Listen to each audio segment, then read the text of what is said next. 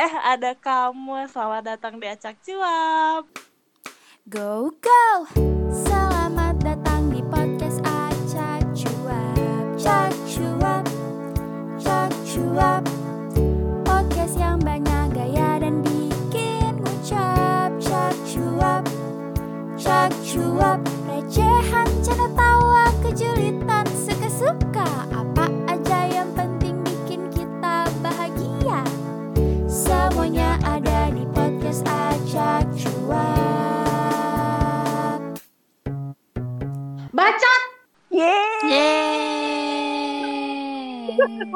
Ketemu lagi dengan Acak Cuap. Di episode kali ini ada Medina.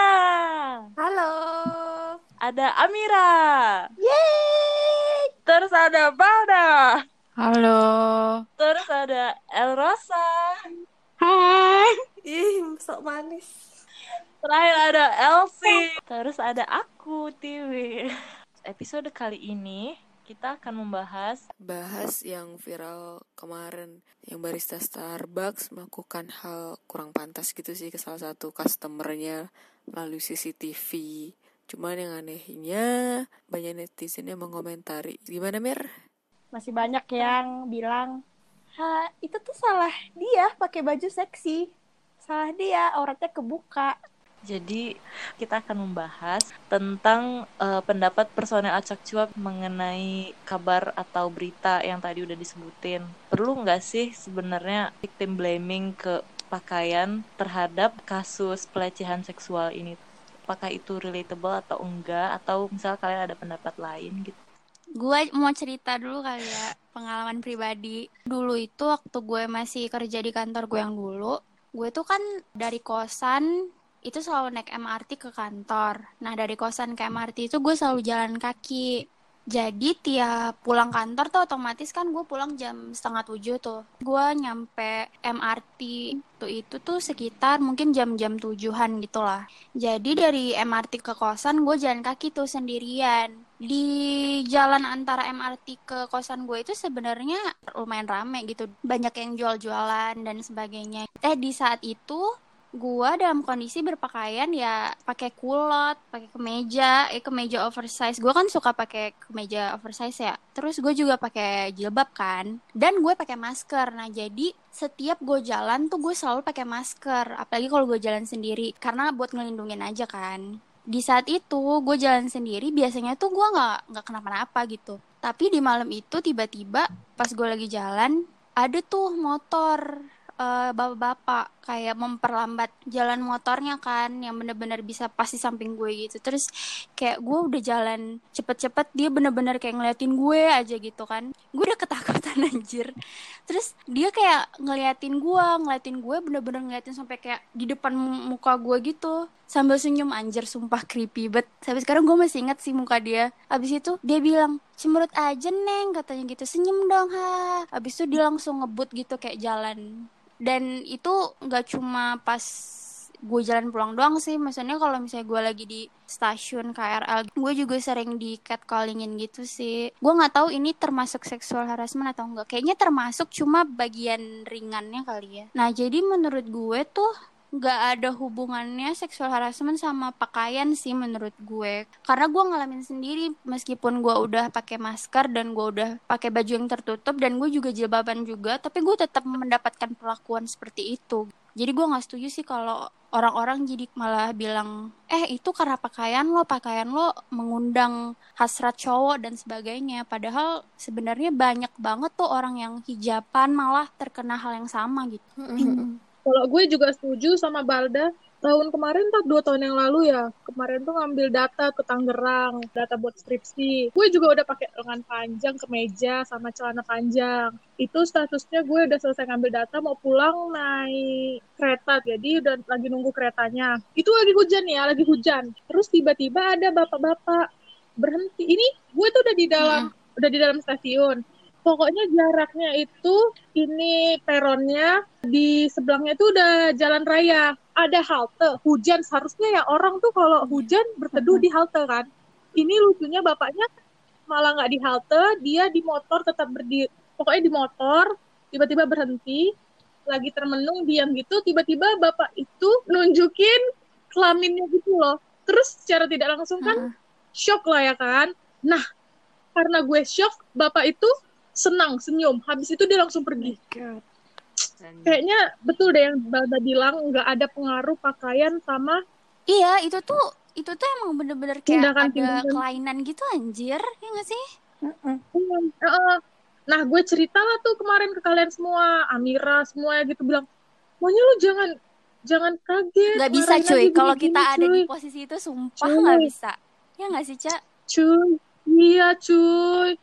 Aduh, itu loh, aduh pakai kacamata pula. Coba kalau nggak pakai kaca- kacamata kan jadi tak terlihat jelas. Ya, aduh. Aduh, semenjak dari itu udah membuatku tidak berani. Tapi emang kelainan gak sih? Kayak nunjuk-nunjukin Itu kelainan sih. sih kelainan sih itu. Iya, itu tuh statusnya memang ada security di depan. Mau manggil. Kayak hmm, tercekat ini bibir mau manggil bapak itu. Keburu dia udah senyum-senyum senang. Gue mau ngebayangin yang lain. Creepy anjir. Nah, perihal victim blaming soal pemerkosaan kayak gini-gini tuh, gue kemarin ini sih sempat baca di Forbes sama BBC. Jadi ada risetnya gitu guys, kenapa victim blaming tuh udah menjadi kayak culture gitu lah setiap ada kasus pemerkosaan yang heboh, pasti victim blaming tuh selalu ada gitu.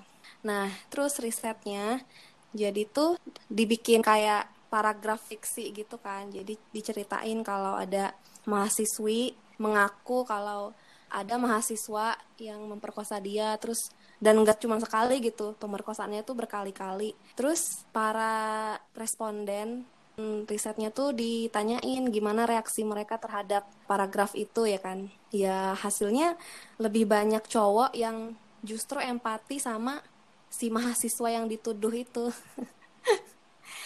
jadi cowok itu lebih empati terhadap cowok pemer yang dituduh pemerkosa. Itu kayak semacam dark side of empathy gitu. Kalau misalnya ditanya apakah para partisipan cowok itu juga empati terhadap korban mahasiswinya ya empati. Cuman empatinya lebih besar justru ke si mahasiswa yang dituduh memerkosa itu. Empati yang konsisten itu yang jadi alasan kenapa victim blaming tuh kenceng banget. Nah terus aku nggak tahu ya ini studinya sama apa enggak tapi ini aku baca di BBC kalau yang tadi tuh di Forbes. Nah yang di BBC ini katanya ada 100 murid di Australia. Ditanya gitu kan responnya gimana terhadap satu kasus di mana murid cowok memperkosa murid cewek. Dan murid cowok ini mengakui hampir semua tuduhannya itu. Tapi tetap misalnya nih misalnya lah serat anggaplah genap 100 murid peserta risetnya gitu kan. Anggaplah 50 50 50 cewek 50 cowok. Akan lebih banyak murid cowok yang menyalahkan korban daripada murid cewek menyalahkan korban. Ngerti nggak sih? Mm-mm. jadi kebanyakan victim blaming tuh eh, dilakukan oleh laki-laki gitu. Nah, terus studi yang kedua dia ditanya lebih mihak perspektif si pelaku atau korban gitu. Finding dari studi ini ya kan, level empati terhadap male harasser atau pelaku pemerkosa bergender laki-laki itu sama pentingnya atau bahkan lebih penting daripada kita berempati sama korban, ngerti gak sih?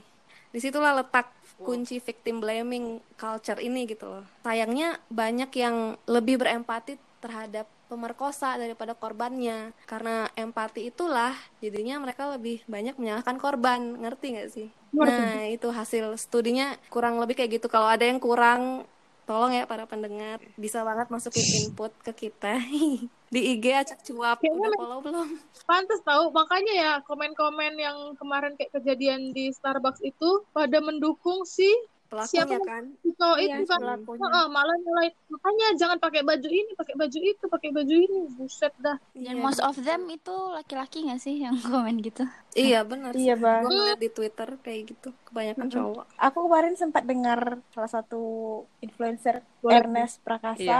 dia bilang kalau misalnya cowok ngelihat cewek pakaiannya minim seksi jadi dia terangsang itu tuh hal yang wajar itu tuh hal yang wajar itu tuh normal tapi yang membedakannya itu antara binatang sama manusia kata Ernest. Cara kita mengontrol rasa rangsangan itu gitu. Kalau kau diam aja dan kau pergi ya mungkin apa namanya pelecehan seksual itu tidak akan terjadi gitu kan. Nah kasus yang di Starbucks itu tuh kemarin gila sih. Dia lihat dia ngezoom di bagian yang terbuka. Dia storyin ketawa-ketawa di gitu nggak instastorynya Iya. which is kayak dia nge-share ke semua orang. Itu tuh betul betul yang salah tuh otaknya cuy. Gak ada salah sama sekali sama ceweknya yang pakai baju kayak gitu. Otak dia udah gila cuy. Ya kalau dia mau zoom zoom aja lah sendiri. Gak usah di share share. Gak usah nunjukin kebegoan. Aduh, Nor kalau kata memet tuh Nora Ya mungkin dia Iya, pikir itu hebat gitu. Kayak gitu. Iya anjir dia kira lucu kali ya makanya tuh sebelum bertindak tuh berpikir Iya, seribu sambil ketawa-ketawa nggak sih kalau nggak salah? Mm. Padahal Miris banyak otaknya loh. di mana ya? Banyak loh video-video tersebar di mana-mana. Tengok aja tuh sendiri. Aduh, janganlah Bodoh. bodoh. Taunya dunia kalau dia bodoh. Eh, ini ada lagi nih lanjutan studinya. Nah, jadi itu kan empati untuk pelaku yang itu signifikan banget kan.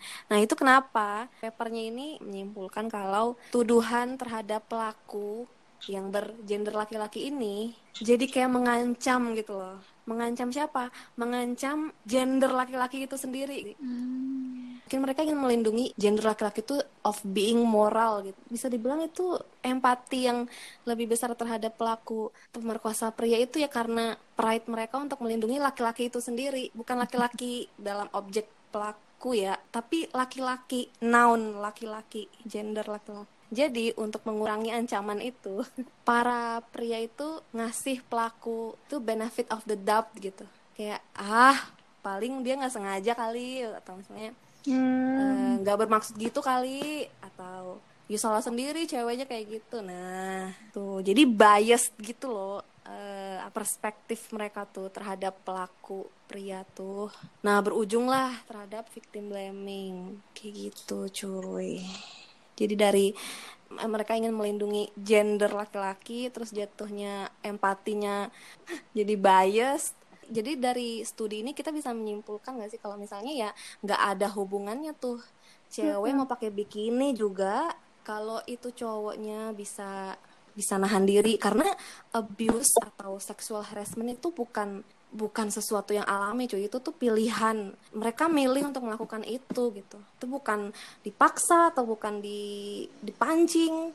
Itu pilihan mereka sendiri untuk ngelakuin itu gitu. Dan itu salah udah jelas salah sih. Tapi di satu sisi ada juga yang bilang gitu apakah memang perempuan harus mengontrol cara mereka berpakaian cara mereka apa?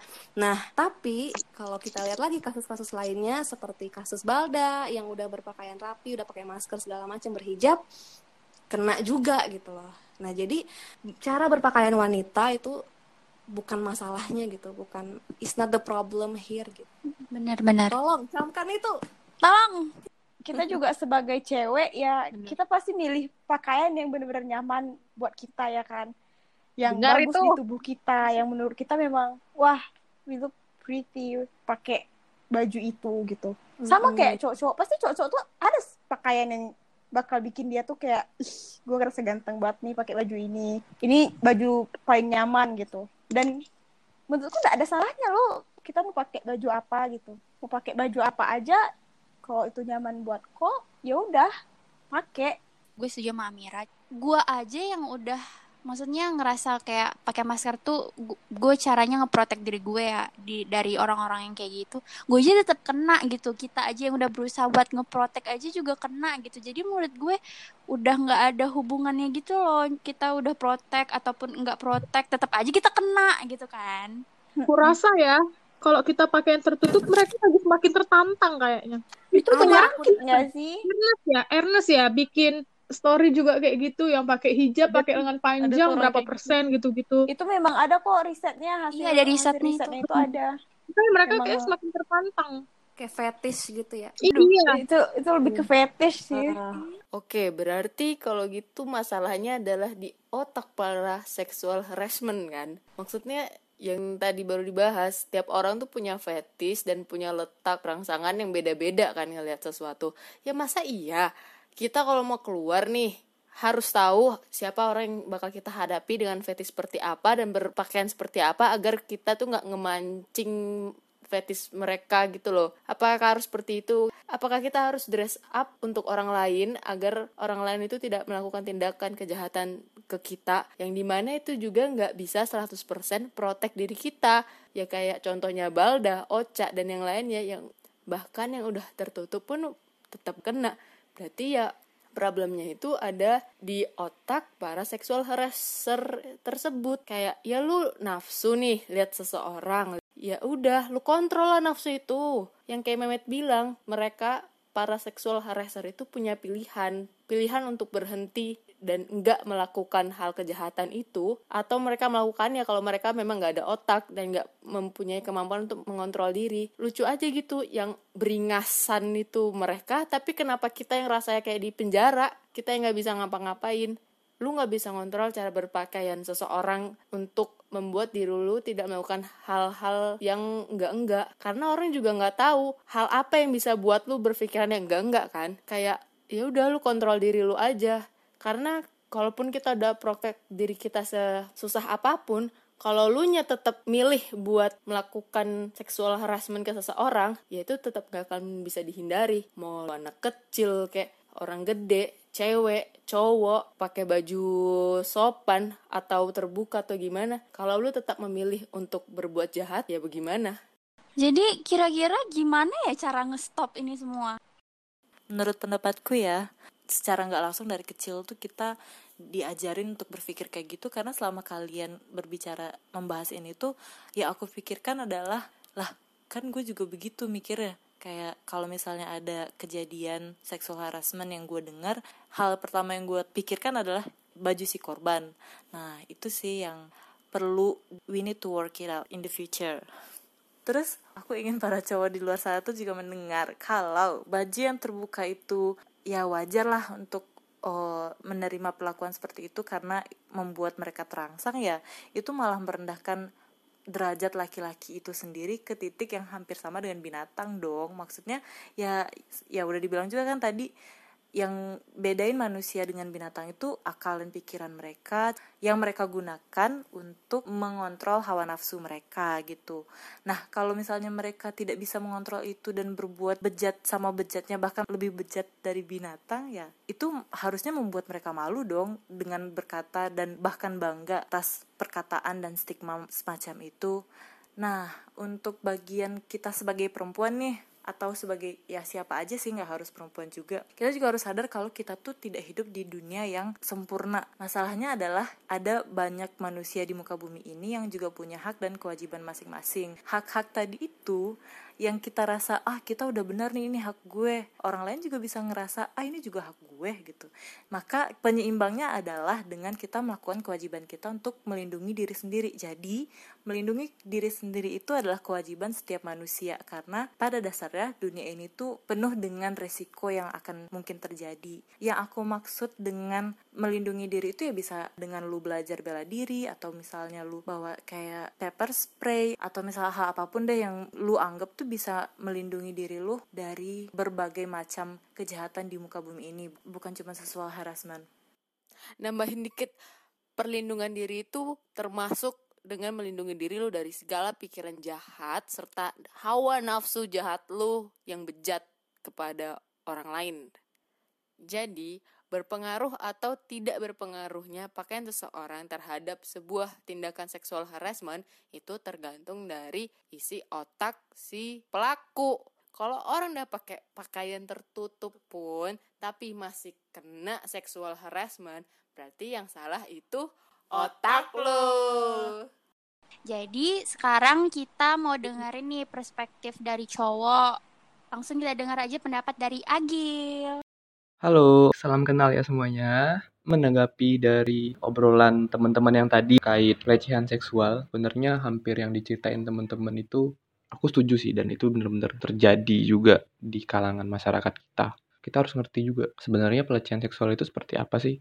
Jadi kan pelecehan seksual itu kan perilaku pendekatan-pendekatan yang terkait seks tapi untuk melakukan penyimpangan baik itu fisik ataupun verbal. Dan itu bisa terjadi di mana aja. Mau di bis, pasar, sekolah, kantor segala macam. Dan perlu juga digarisbawahi sebenarnya pelecehan itu kan tidak terjadi antara berbeda gender. Jadi bisa juga sesama gender loh. Dan bisa juga terjadi oleh wanita ataupun laki-laki. Tapi memang yang banyak diberitakan itu memang cewek sih. Karena memang blow up-nya mungkin di cewek. Sebenarnya aku juga ada kok temen cowok tapi dia korban pelecehan seksual. Nah, itu sekilas info. Tapi kalau ditanya tanggapanku sebagai cowok yang melihat atau membaca berita-berita tersebut atau melihat langsung lah ya. Karena hal yang pertama terlintas dari aku sendiri ya. Gimana kalau kalau aku punya anak perempuan itu sih yang paling ditakutin. Karena apa? Bingung aja melihat semuanya jadi serba abu-abu gitu loh. Pakai pakaian tertutup salah pakai pakaian terbuka salah. Jadi sebenarnya yang salah apa gitu? Padahal jelas-jelas juga korban seksual itu sebagian besar malah pakaian mereka tertutup. Nah bingung kan sangat-sangat ambigu jadinya mau ngobrolin terkait ini. Belum lagi norma-norma di masyarakat yang di mana ketika si korban dilecehkan atau paling parah perkosa itu karena si korban yang memancing istilahnya. Tuh kan kebanyakan memancing mata katanya. Padahal ya kalau dipikir-pikir lagi kalau di yang dipancing ini memang nggak uh, dalam artian menjaga sikap dia dan menurut kau sendiri ini bukan salah cewek sepenuhnya dan salah tersangka juga sepenuhnya. Ini lebih ke norma kita aja yang sudah tertanam sejak dahulu kala kenapa orang orang-orang selalu bilang